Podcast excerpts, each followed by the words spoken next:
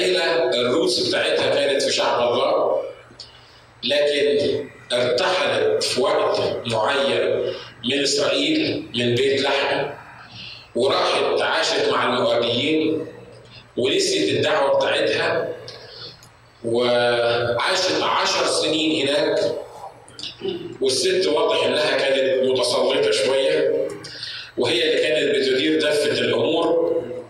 غالبا الراجل ما قدرش يستحمل وربنا خده بدري بدري والست جوزت ولادها الاثنين وكانت متحكمة فيهم وبعدين ربنا خد الولدين كمان. لكن القصة دي بتحكي إزاي إن شخص واحد حتى لو كان مش من شعب الله حتى لو كان لسه ما عرفش الرب يسوع المسيح مخلص شخص لحياته لغاية دلوقتي حتى لو كان من الناس اللي كانوا بيسموهم شعب إسرائيل الكلاب حتى لو كان ما لهمش ذكرى وحسب الوحي وحسب المكتوب ما ينفعش إن هم ينضموا لشعب الله.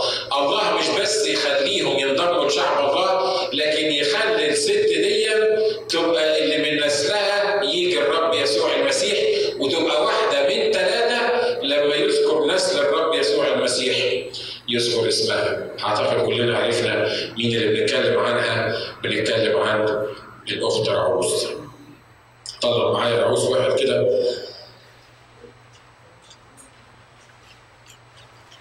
السفر مكتوب باسم رعوز لأن رعوز البطله بتاعته That's not fair لأن رعوز دي أممية مؤابية مش من شعب الله ولو كان الله عنده تحيز زي ما إحنا بنقول لو كان الله عنده يعني بيميل لشعب عن شعب تاني أو يعني مش مش عادل أنا متهيألي كان لازم يكتب السفر ده باسم نعم لأن نعم دي هي اللي من شعب الله ونعم دي هي اللي وصلت رعوز للي وصلت له لكن الرب لأنه عادل قرر إنه يسمح إن الكتاب أو السفر ده يتكتب تحت اسم رعوز وبيكلمنا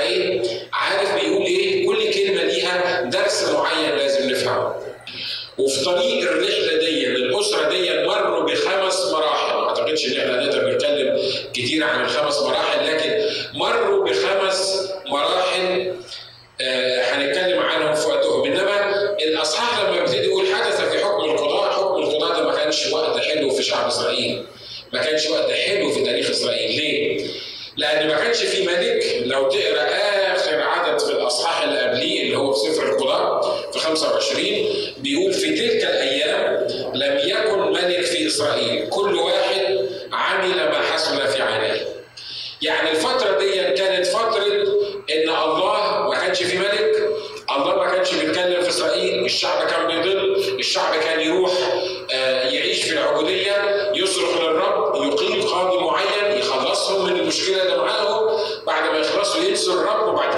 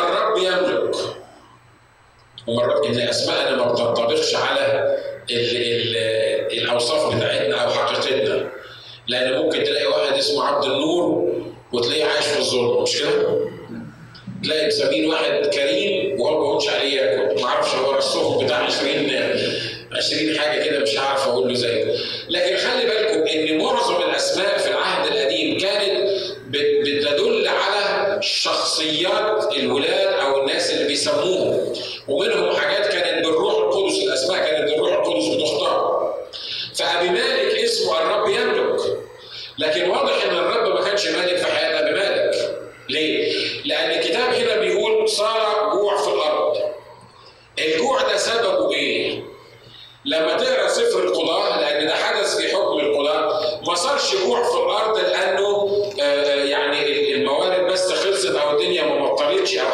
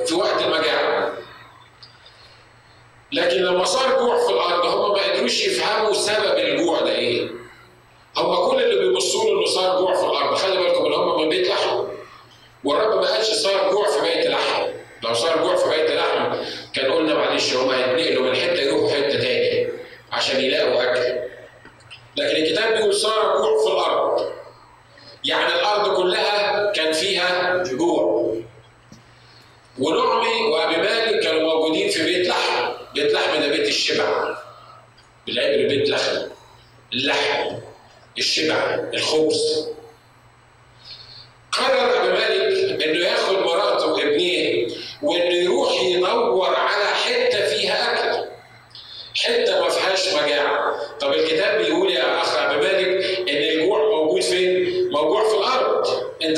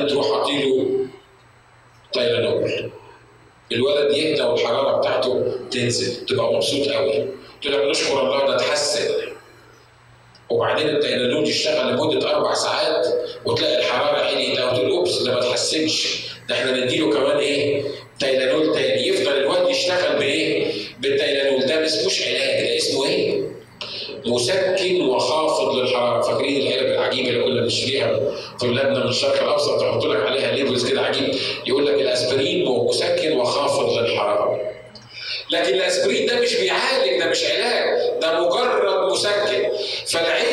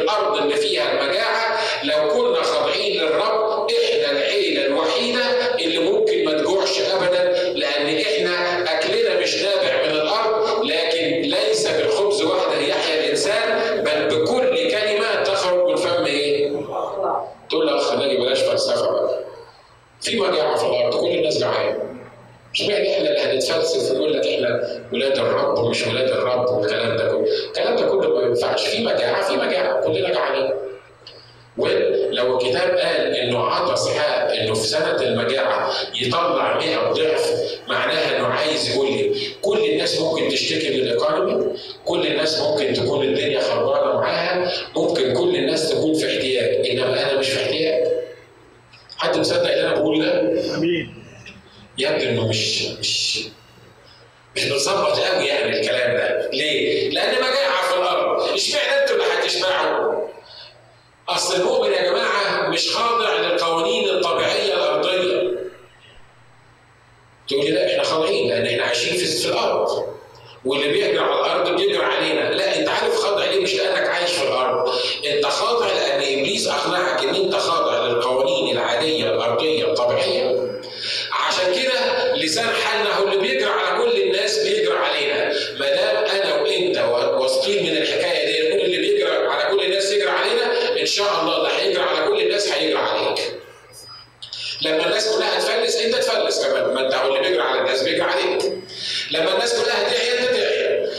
الناس كلها تحتاج أنت تحتاج. ما هو اللي بيجري على الناس بيجري عليك.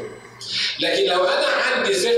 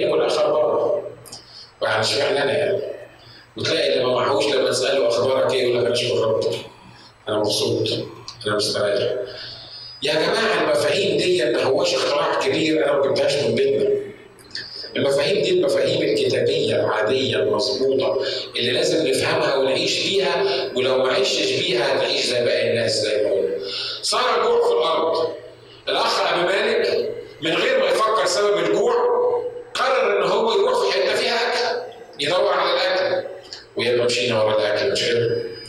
يا مشينا ورا لقمة العيش. ومتبهدلين وحالتنا بلا من لقمة العيش. وطلعنا شوية أمثلة الجري على المعايش حلال والعمل عبادة ولازم مش عارف نعمل إيه. وأقنعنا نفسنا بالحاجات دي. لكن المشكلة يا جماعة اللي الرب عايز يتكلم فيها النهارده إنه عشان نوصل لحالة القداسة اللي الرب عايز يعيشنا فيها لازم نفهم أسباب الأمور لازم افهم اللي بيحصل معايا ده بيحصل ليه. لما يكون عندي احتياج معين لما اكون مش لاقي اكل لازم اسال نفسي إيه اللي, في حياتي موصلني للموضوع ده. امين؟ امين. مش لازم استسلم واربط دماغي على انه ما هو الاقتصاد كله خربان. لما الاقتصاد كله يبقى خربان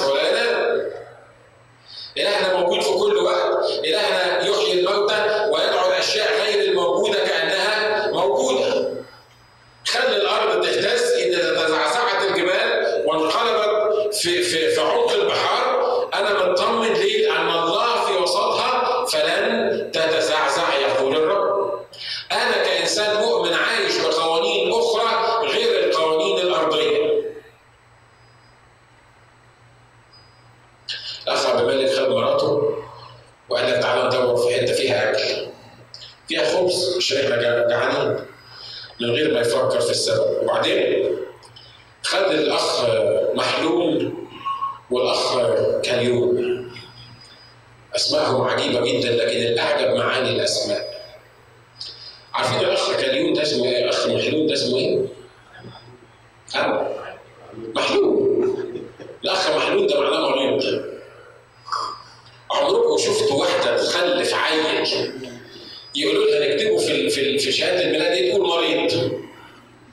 وقت اسمه مريض كده؟ هو اسم اسم عبري معناه مريض. فاكرين مرة واحدة سمت ابنها اخابوت زال المجد. بس دي كان معاها حق لأنها كانت زعلانة على التابوت بتاع الرب لما اتاخد منها. لكن واحدة اسمها نعمي ونعمي معناها سعادتي. يعني واحدة يقول نسميه إيه اسمه مريض ولو أنت سميتيه مريض يبقى لا عجب إن هو مات في شبابه ليه؟ لأن أنت أصلا لما خلفتيه سميتيه مريض صح يا جماعة اللي أنا بقوله ده؟ مش كده؟ مرات إحنا بكلامك تبرر وبكلامك إيه؟ تدان اللي بيطلع من بقك بيحصل معاك حسب إيمانك يكون لك لو أنت عارف إن الرب هيعمل حاجة معينه وتثق في الرب في الحكاية دي وبتصحى الصبح تعلن رغم إنه مش شايف أنت الوعد اتحقق لكن بتصحى الصبح بتعلن إن فلان ده للمسيح، فلان ده هيشفى، فلان ده هيحصل له كذا، بتعلن وبتعيش بالإيمان وبالثقة دي اللي بتقوله من بقك هيحصل معاك. لكن لو خلفت واد وسميته صايع هيطلع إيه؟ هيطلع قديس. صح؟ مش كده؟ لازم يطلع صح ما فيهاش فصال لو سميت واد وسميته مريض خلفت واد وسميته مريض. يبقى لما يموت وهو شاب ويسيب مراته ارمله وهي أمك اللي سمتك دي دي, دي مشكلتها عشان كده في حاجات يا جماعة قلنا بنتعامل مع الحق الكتابي بنتعامل مع القصص الكتابيه لازم نفهمها علشان دي life changing زي ما بيقولوا حاجة بتغير الحياة حاجة ما هياش مجرد استحسانات لكن الحاجة اللي انت بتؤمن بيها والحاجة اللي بتاخدها من الكتاب وبتعيش بيها هي اللي بتغير حياتك وبتصير حياتك بعد كده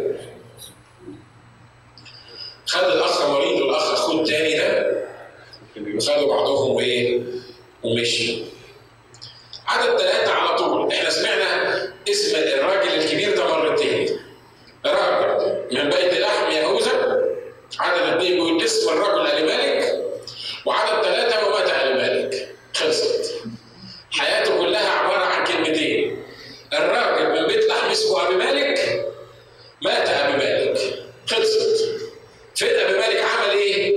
ما عملش حاجة. كل اللي عمله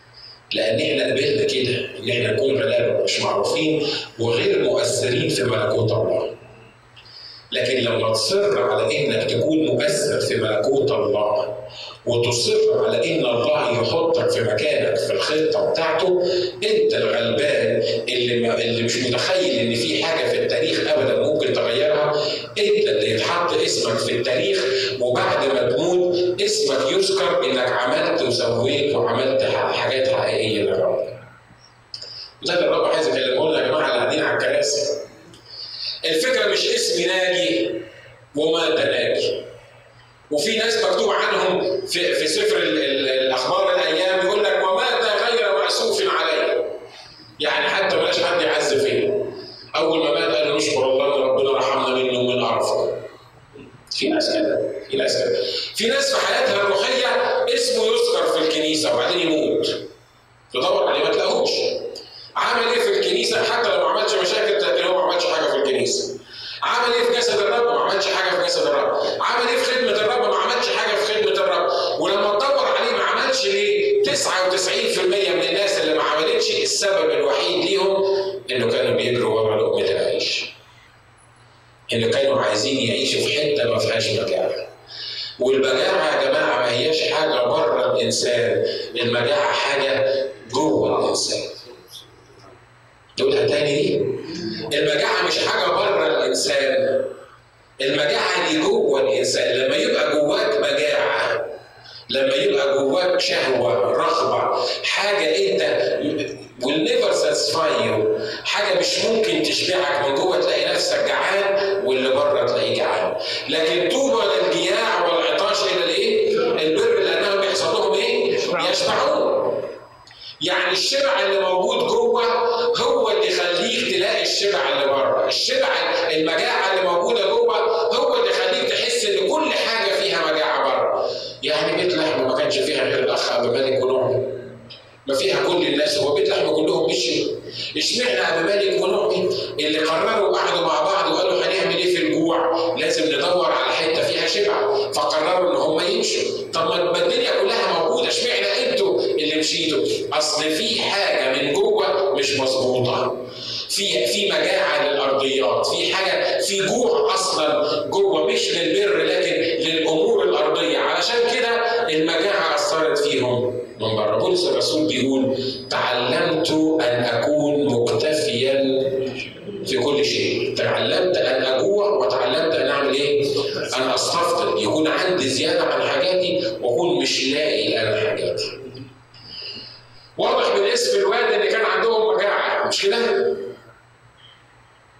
صح؟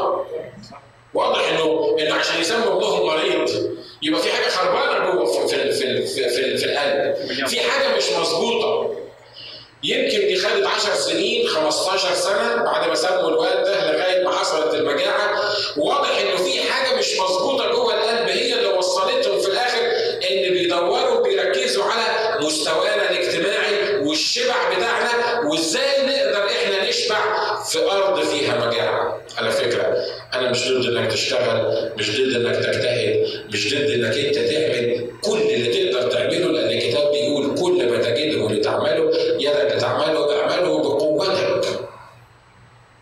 لكن أنا ضد إن يبقى في مجاعة جوايا بحيث إن أنا مش شبعان.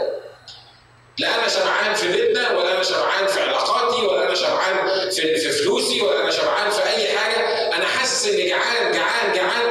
أنا الحاجة الوحيدة اللي شبعان فيها إني شبعان من البر ان أنا ساتسفايد إن أنا اخ في الكنيسة. ودي الحاجة الوحيدة اللي أنا شبعان فيها. الحاجة اللي المفروض إن أكون جعان فيها هي اللي أنا اكون شبعان فيها. والحاجة اللي المفروض إن أكون شبعان فيها هي اللي أنا أكون جعان فيها. عشان كده مرات كتيرة بنتخذ قرارات وبنتحرك بطرق غير خاضعة لإرادة الله وبعد كده زي ما قلنا مرات كتيرة بعد كده إنه مات علي ملك رجل نعمي وبقيت هي وإيه؟ وابنها. كان المفروض الأخت نعمي دلوقتي حتى لو هي يعني ما كانش معاها زمام الأمور دلوقتي معاها زمام الأمور وتبتدي تسأل هو ليه ربنا خد جوزي بدري؟ في العهد القديم على فكرة كانت الناس حياتهم مرتبطة بأعمالهم كان واضح كده من سفر التثنية قال له إذا عملت الحاجات المعينة اللي أنا قلت لك عليها وحفظت الناموس تطول أيامك على إيه؟ على الأرض كان الموت بتاع الصغيرين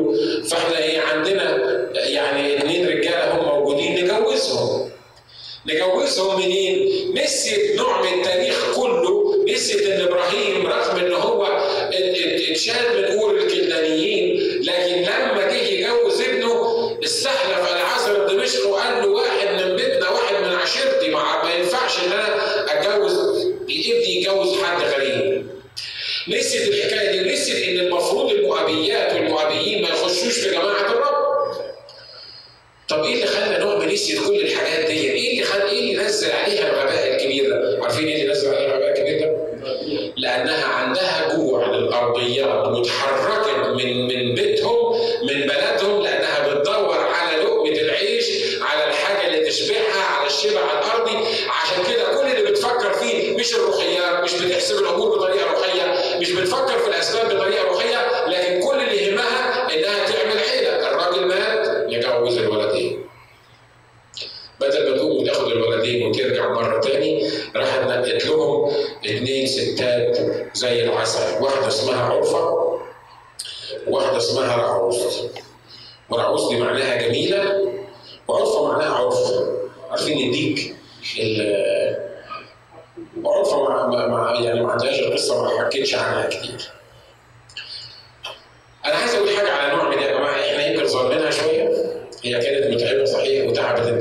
كلها لكن أول مرة أشوف واحدة بتحب حماتها في الكتاب المقدس زي ما حبت حماتها في الكتاب المقدس. تقول لي أصل رعوز كانت حلوة. عشان كده حبت حماتها. لا أنا متهيألي حماتها اللي كانت حلوة. عشان كده رعوز حبتها. مش كده؟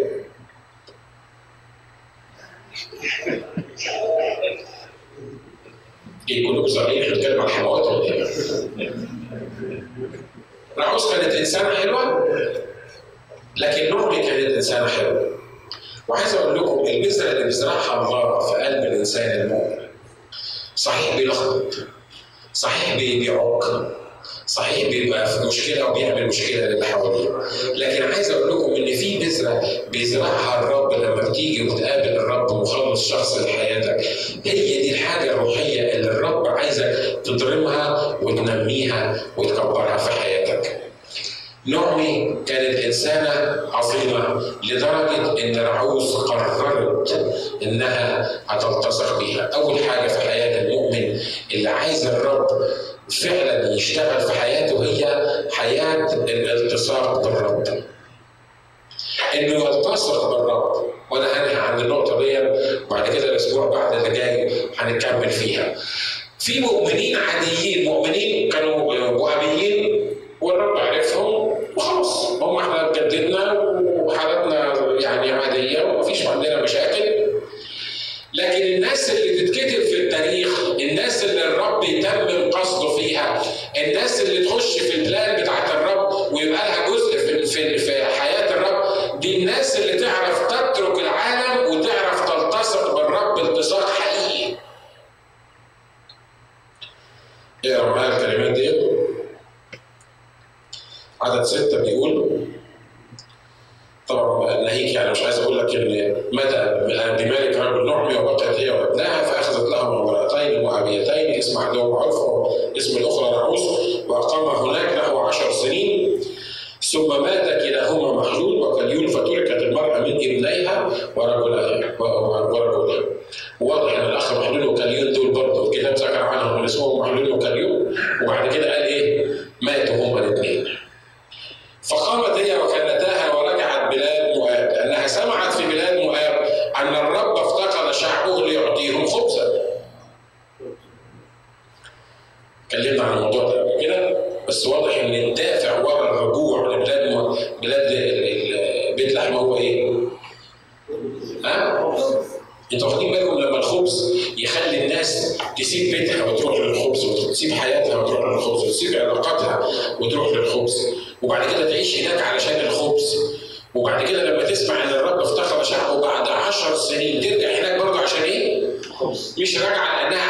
إن في حاجة غلط لازم تصلحها في حياتها الروحية لكن راجعه لأنها عايزة الخبز.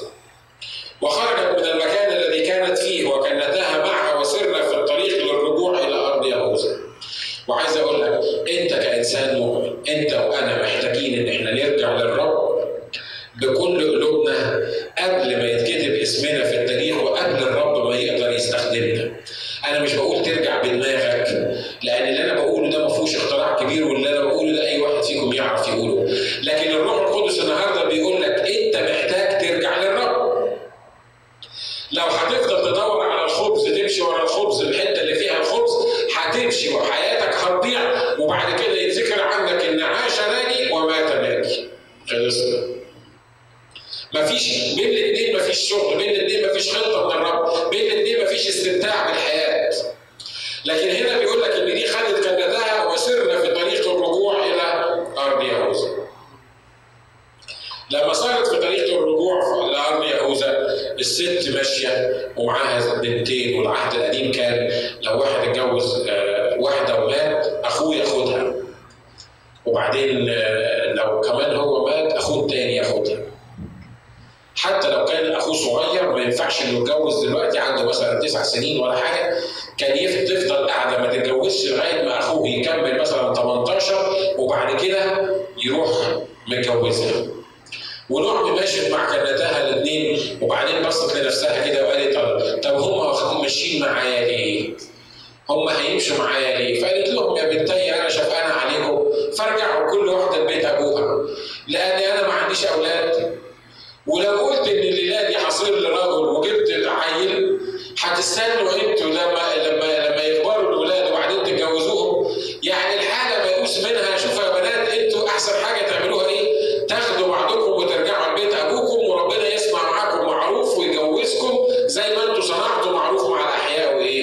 وايه؟ والأموات. وهم الاثنين عدد آه، أصحاح واحد وعدد 14 ثم رفعنا أصواتهن